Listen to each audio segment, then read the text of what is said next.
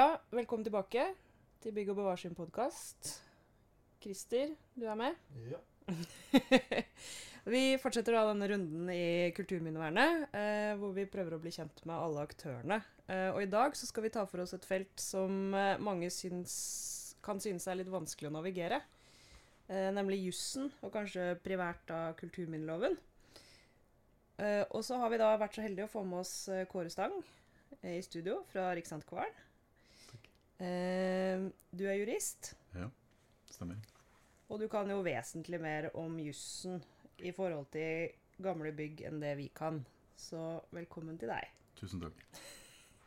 Så tenkte jeg først, Kåre, du kan jo egentlig få lov å introdusere deg selv litt. Ja, jeg er eh, jurist, som du sa, og teaterviter. Jeg er hovedfag i teatervitenskap. Jeg har jobbet hos Riksantikvaren i, i flere år, nå. Jeg har jobbet også mye med opphavsrett, men kulturminnevern har liksom vært størstedelen av min yrkeskarriere så langt. Eh, Jeg jobber i juridisseksjon hos Riksantikvaren. Og jobber også en del med fredningssaker, eh, klagesaker, tilskuddssaker osv. Og så snakka vi litt sammen på forhånd av denne podkasten, og du kom med et eh, godt innspill. For hvis vi skal snakke om jussen og kulturminneloven, så er det jo veldig interessant å gå litt tilbake til begynnelsen. Ja, ikke sant? Hvorfor har vi en kulturminnelov? Nettopp. Jeg er veldig opptatt av Eh, å sette kulturminneloven inn i en historisk kontekst. For den er på en måte en del av en sentral bevegelse på 1800-tallet. Det at vi får den til slutt. Den loven vi har i dag, er del i en lang utvikling. Jeg har lyst til å snakke litt om det først, for eh, da kan man i litt større grad forstå lovens formål og hvordan den fungerer. mm. Så hvor langt må vi tilbake? Jeg syns vi skal starte på ca. 1820-tallet. I Tyskland så får man da verneforeninger. Industrialismen er gryende. Eh, nasjonalromantikken kommer på 1800-tallet. Eh, man blir til, tilbakeskuende når industrialiseringen kommer. Folk flytter inn til byene. Omløpshastigheten øker. Man begynner å rive, og man bygger fabrikker. Det er da man får dette tilbakeskuende blikket. Man blir opptatt av å bevare.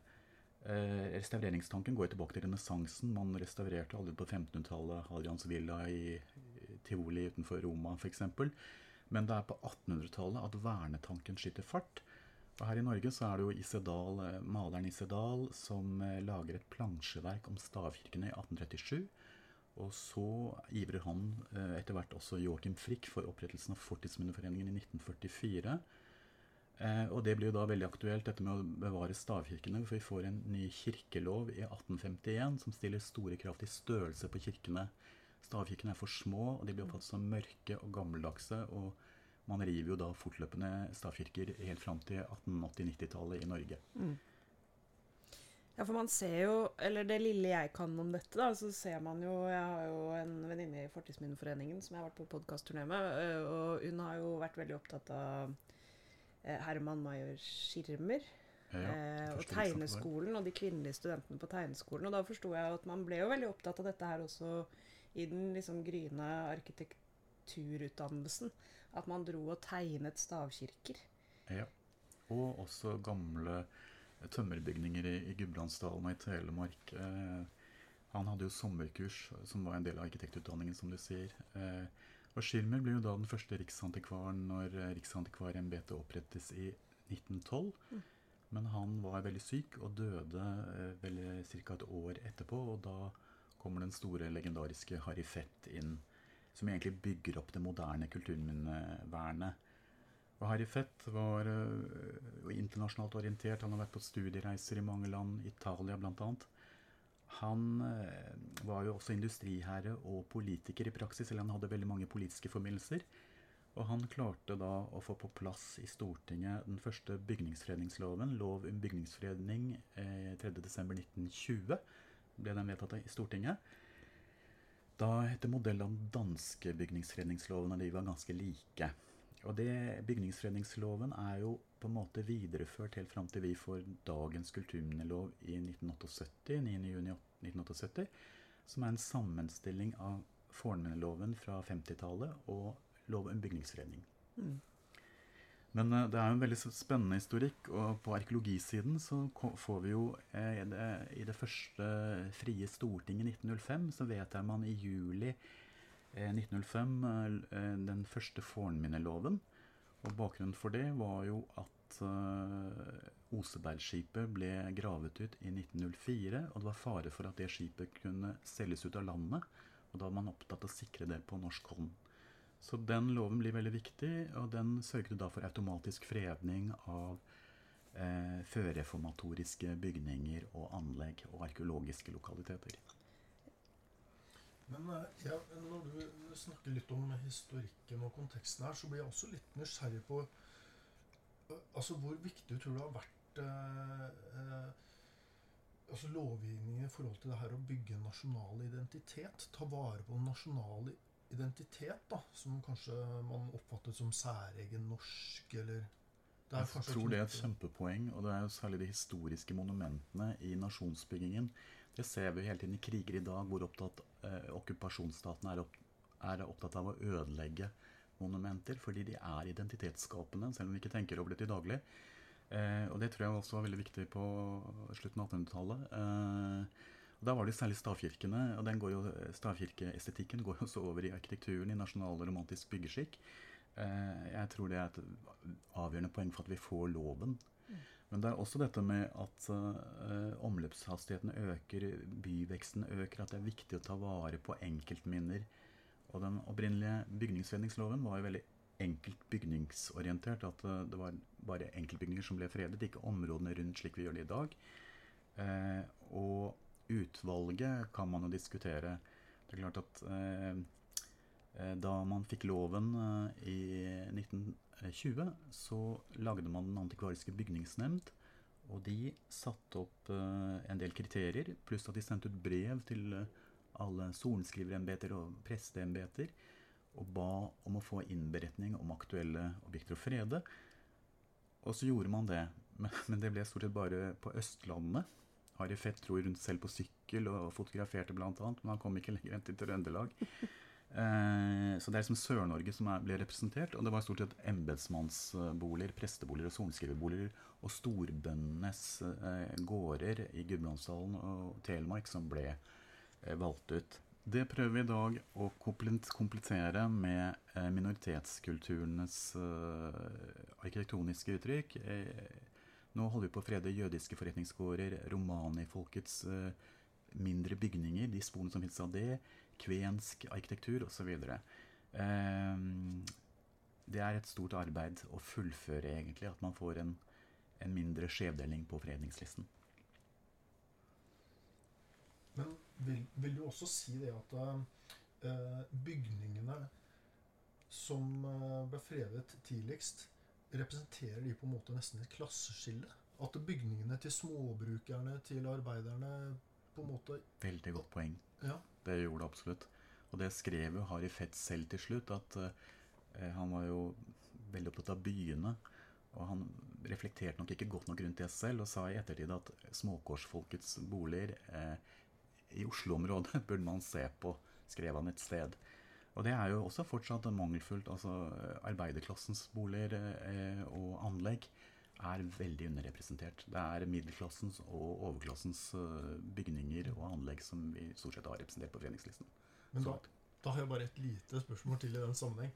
Da, da, lurer jeg også veldig på altså De som fredet, var det type arkitekter som kanskje var mindre opptatt av den folkelige byggeskikken?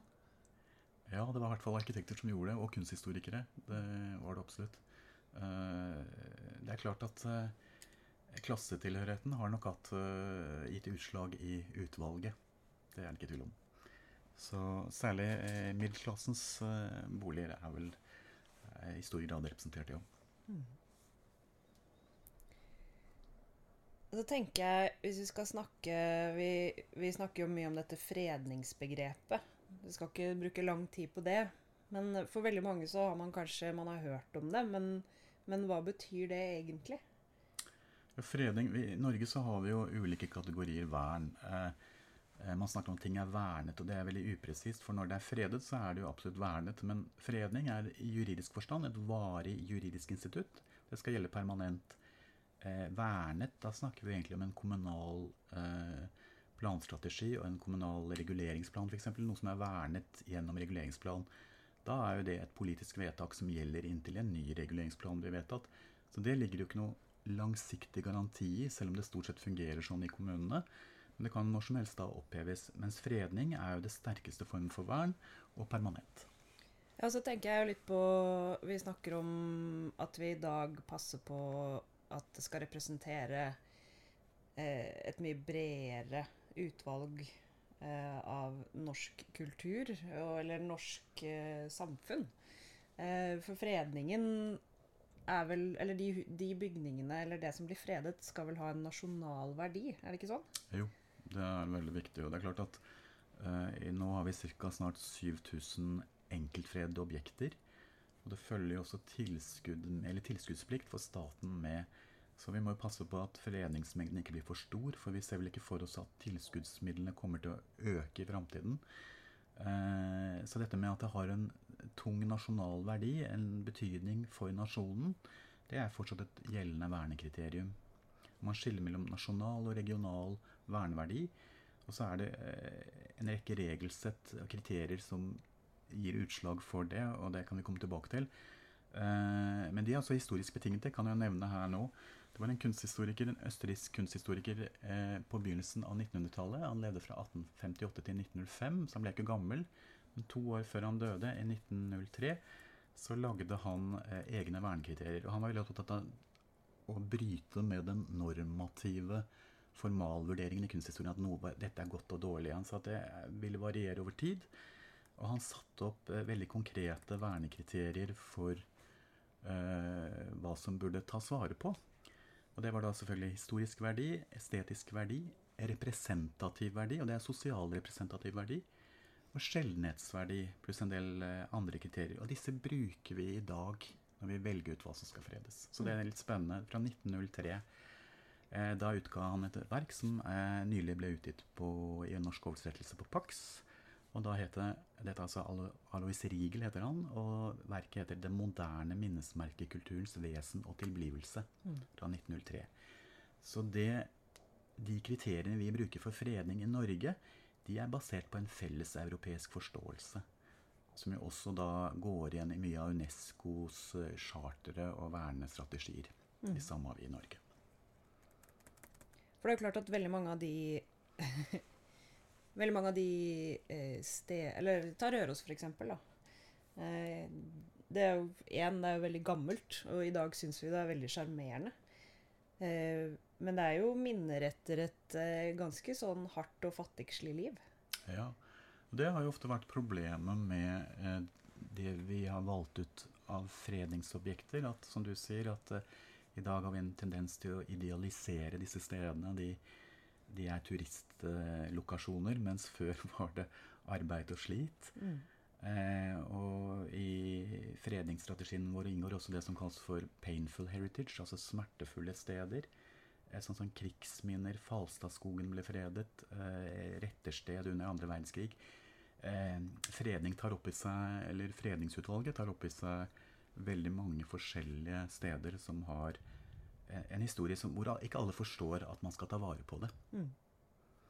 Eh, Det var interessant, kan jeg bare ta Fettsund lenser eh, i Minnesund. Der, vel ved Minnesund, der var det slik at veldig mange av de som hadde drevet med tømmerfløting, eh, så på det bare som et åk, det måtte bort.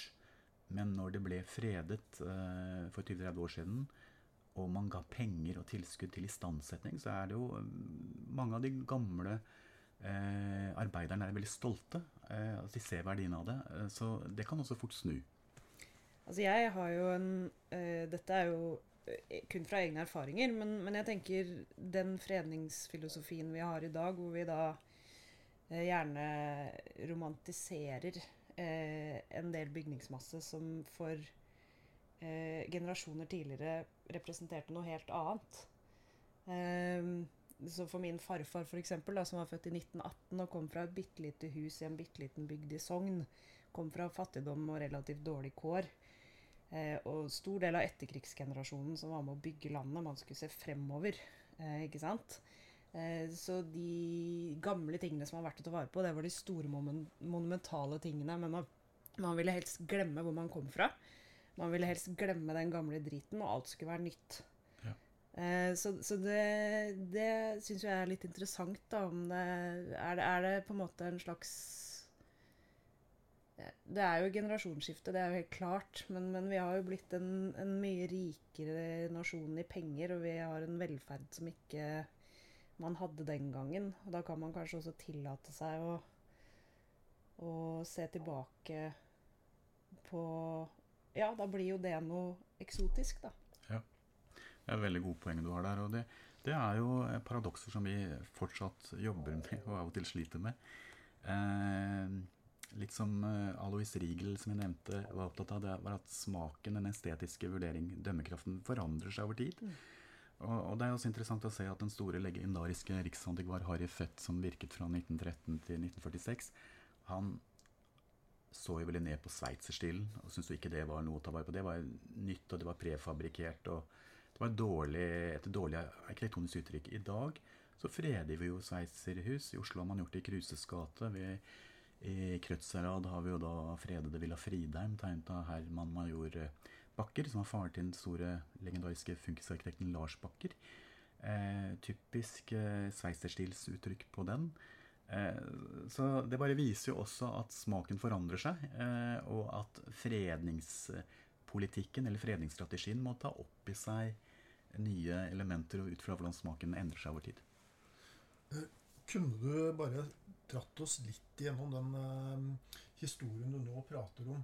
eh, I forhold til når er det man endret fokus, på en måte? Når er det man eh, ble opptatt av industrielle kulturminner? Når ble man opptatt av kanskje frede båter? Når er de første funkishusa fikk et vern?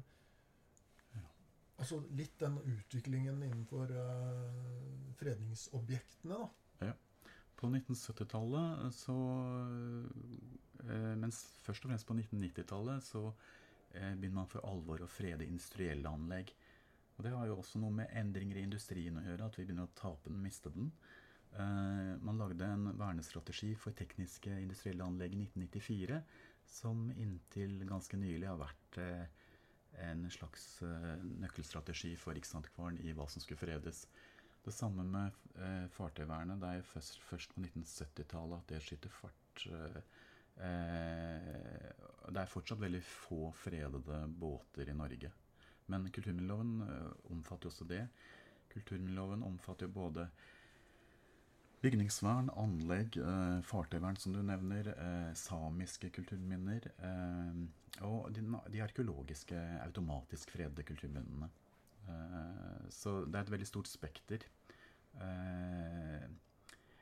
Og i dag så har vi en veldig verdinøytral vernestrategi, eh, men det hadde man jo ikke da loven ble laget i 1920. Da jo, tenkte man at var, ting måtte være veldig gammelt, det måtte være over 100 år, ellers måtte det ha veldig stor historisk verdi. Helt fram til 1975 så måtte de objektene som skulle fredes, være eldre enn 100 år. Så det er vel på 70-tallet, eh, og litt etter at Venezia-charget i UNESCO ble vedtatt i 1964, var det vel, så begynner man å tenke annerledes. Det som jo også er veldig viktig med eh, fredningsstrategien og hvordan den utvikler seg, er at man er mye mer opptatt av ikke bare enkeltobjekter og monumenter, som du nevnte, Anette, eh, men dette å se ting i kontekst, og det at vi nå i dag kan områdefrede rundt et kulturminne som er fredet, at man også kan frede hele miljøer gjennom kulturmiljøfredning etter kulturmiljøloven paragraf 20, det er jo en veldig stor og omfattende, eh, omfattende foreningsarbeid. Og såpass alvorlig at det blir vedtatt i Kongen i statsråd. Det er det eneste som ikke Riksantikvaren fatter vedtak om. Det er regjeringen som fatter de vedtakene. Anbefaling fra Riksantikvaren. Eh, men eh, det bare viser at kulturminneloven fungerer nå mye mer i forhold til å fange opp mangfold, størrelser og, og, og ting i kontekst.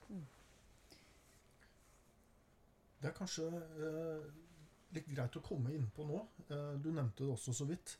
Det er en forskjell her på eh, alder, automatisk fredet, og noe som er vedtaksfredet. Kan du si litt om forskjellen her? Eh, alt som er automatisk fredet i Norge, det er fra før reformasjonen kom til Norge, altså før 1537. Og det gjelder jo da stort sett arkeologiske lokaliteter, eh, som borger, eh, gravrøyser, gravminner, gravhauger. Eh, og, men det kan også være bygninger, selvfølgelig. Middelalderbygninger. Stavkirkene de er automatisk fredet etter kulturminneloven paragraf 4. Og så har vi de, det man kaller for kulturminner fra nyere tid. Det er jo da egentlig alt som er fra etter 1537. De må vedtaksfredes. For enkelte byggverk, stående byggverk så kan Riksantikvaren erklære de som automatisk fredet. De må da være fra før 1650. Men grensene er egentlig eh, grovt sett da 1537. Alt det er fra nyere tid. Så kaller vi, det kaller vi for vedtaksfredede bygninger. Man fatter enkeltvedtak etter forvaltningsloven med klagerett osv. Det andre ligger der per se og er automatisk fredet, altså såkalt legalfredet gjennom loven. Og så er det litt annerledes for samiske kulturminner? Ja. Der er det satt en egen grense nå ganske nylig. I 1917. Alt som er, alle samiske kulturminner fra før 1917 er automatisk fredet. Mm. Jeg tenker vi, vi kan gå litt uh, tilbake til det litt mer sånn praktiske. Mm. Ikke sant? Uh, vi håper jo kanskje at det er noen uh, helt vanlige huseiere som ikke er så innvidd i kulturminnevernet og hvordan det funker. kunne du si, si, litt om hva er Riksantikvaren, og hvordan jobber dere? Liksom, hvor, hvem er dere i dette landskapet? Riksantikvaren er per i dag ca. 130 ansatte som jobber med alt fra fartøyvern, samiske kulturminner, bygningsvern og arkeologi, som vi har snakket om. Eh, Riksantikvaren er fredningsmyndigheten i Norge.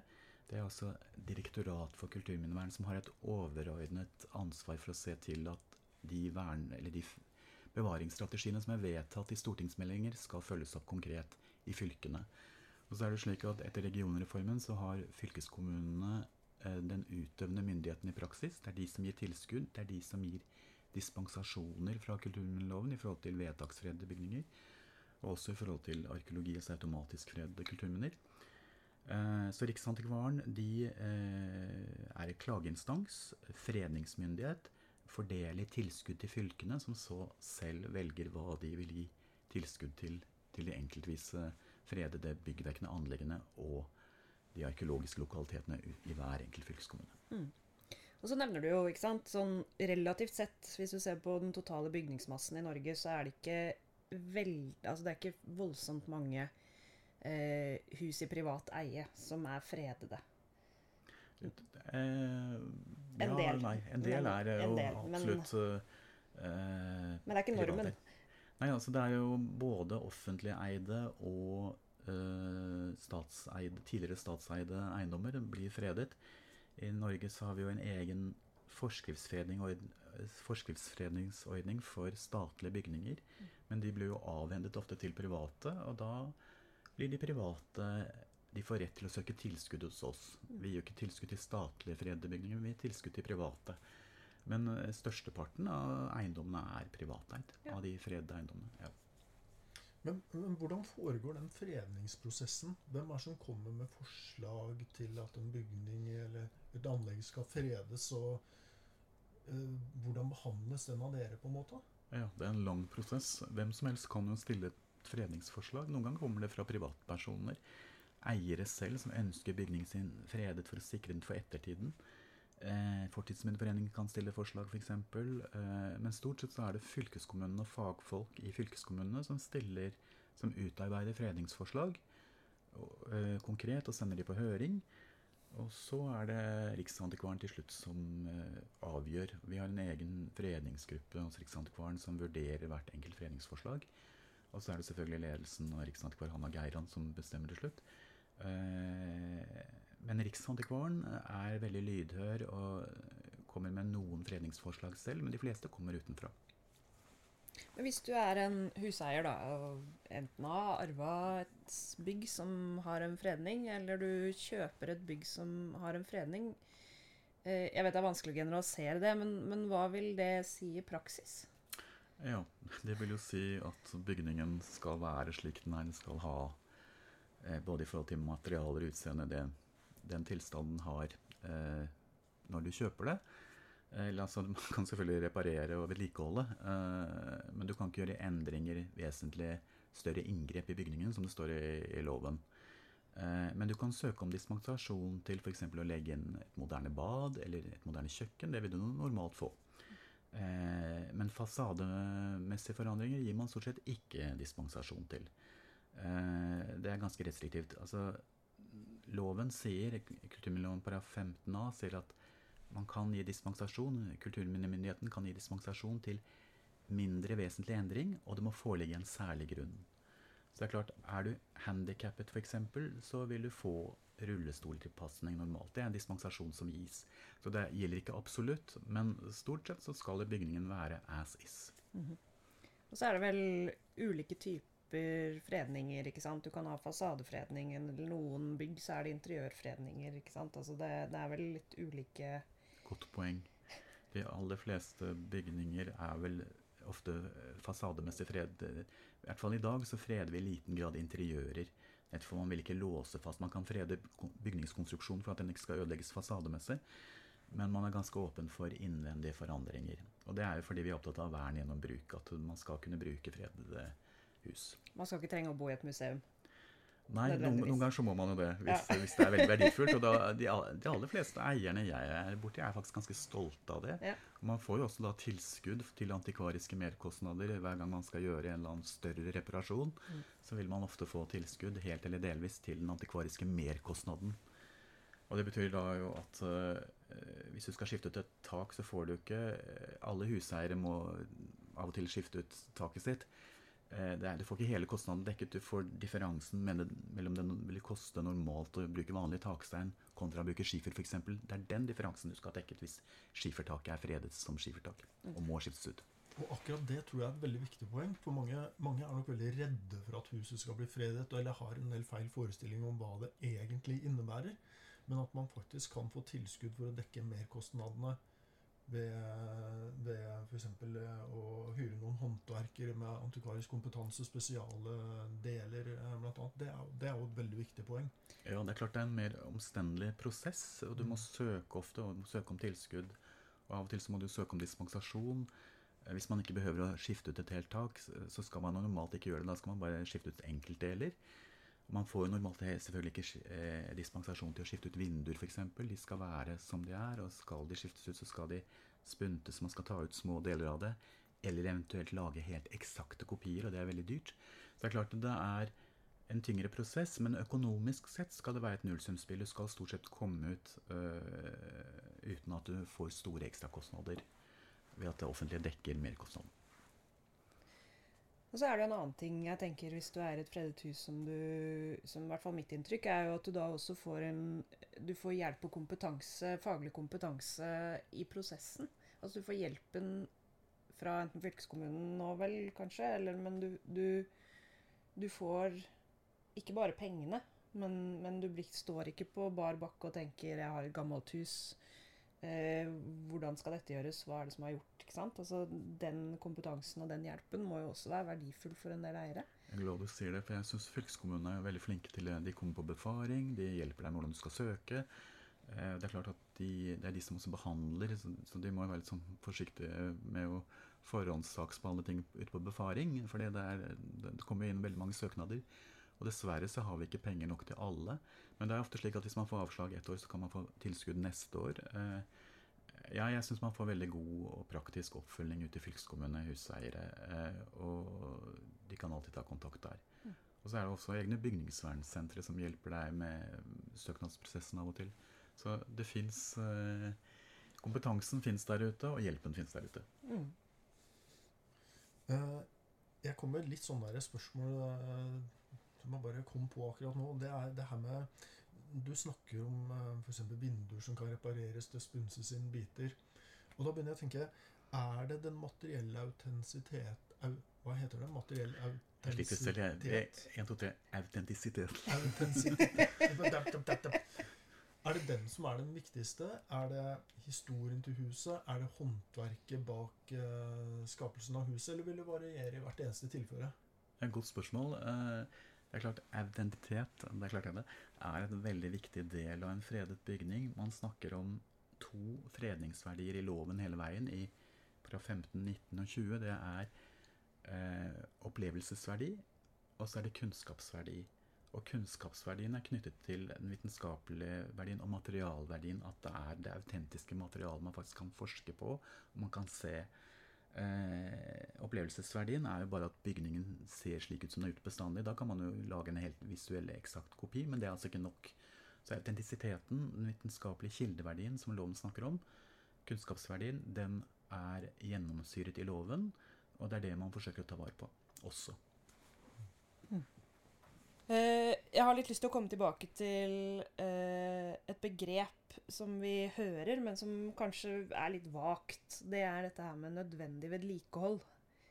Eh, hvis du har et freda eiendom, så, så, har du jo lov til å utøve nødvendig vedlikehold uten, uten, å søke, så vidt jeg har forstått. Mm. Men nødvendig vedlikehold kan vel tolkes av ulike mennesker som så mangt? Ja, og det er litt skummelt. Det er et bra spørsmål. Eh, nei, det er klart at uh, Vanlig vedlikehold som å male et hus, er det malt med linoljemaling, så skal man bruke linoljemaling. Det behøver man ikke å søke om, selvfølgelig. Eh, og nødtørftig utskifting eh, skal eh, man derimot Vi tar det en gang til. Mm. Det skal man søke om. Jeg holdt jeg på å gli selv. eh, jeg har litt lyst til å komme tilbake til et begrep som vi ofte hører eh, som handler om nødvendig vedlikehold. For så vidt jeg har forstått, så er det, det er noe man kan utøve hvis man har en freda eiendom, men det er jo litt vagt. Ja, det er det. Og, men det er klart at vanlig vedlikehold, sånn som å male et hus hvis det er malt med linoljemaling, så skal man bare bruke linoljemaling, og da skal man jo ikke søke om dispensasjon til det. Men hvis man begynner å skifte ut bygningsdeler, det er søknadspliktig. Uh, og man skal jo helst ikke skifte ut mer enn nødvendig. F.eks.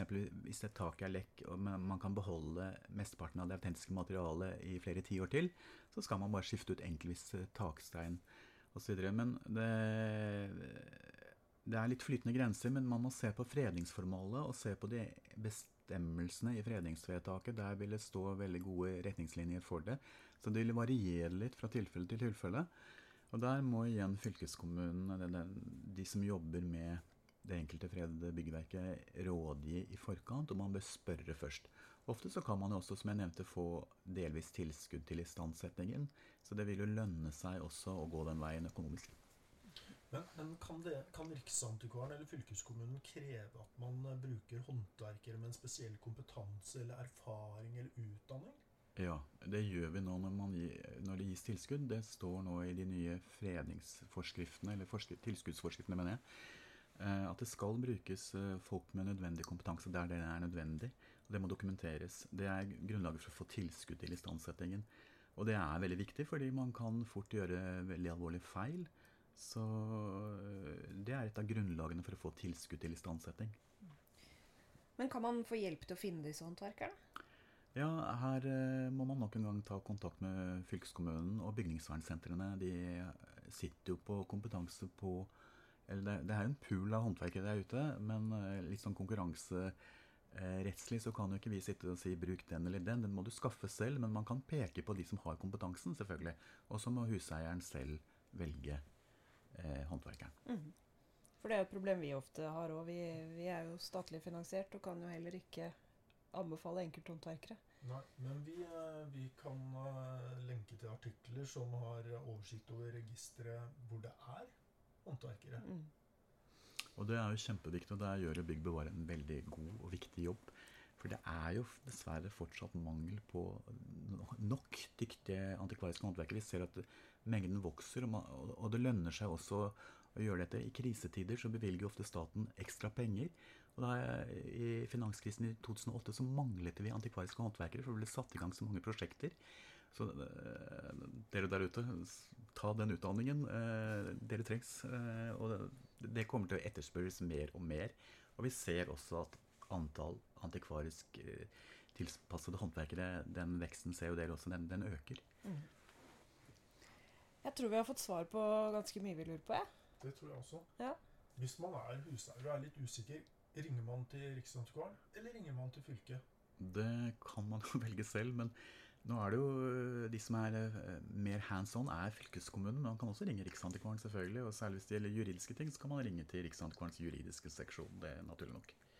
Jeg, jeg, jeg brant inne med et lite eh, spørsmål til. Altså, nå, nå skal jeg prøve å bevege meg inn på litt ukjent farvann, da. altså jussen. Jeg har hørt at det er noe som heter særlov, eller det er noen lover som har veier tyngre enn andre lover hvis det skulle dukke opp noen konflikt. Veldig bra poeng. Ja, finnes det noen eh, konflikter mellom plan- og bygningsloven og kulturminneloven? Minneloven. Ja, det gjør det jo ofte. Og det er som du sier, det er veldig viktig at vi påpeker det. Eh, Det er et grunnleggende prinsipp i jussen, dette med særlovsprinsippet, eller lex specialis-prinsippet, hvor særlovens bestemmelser går foran den generelle loven. Og I alle saker hvor en bygning er fredet, så er kulturminneloven særlov foran plan- og bygningsloven.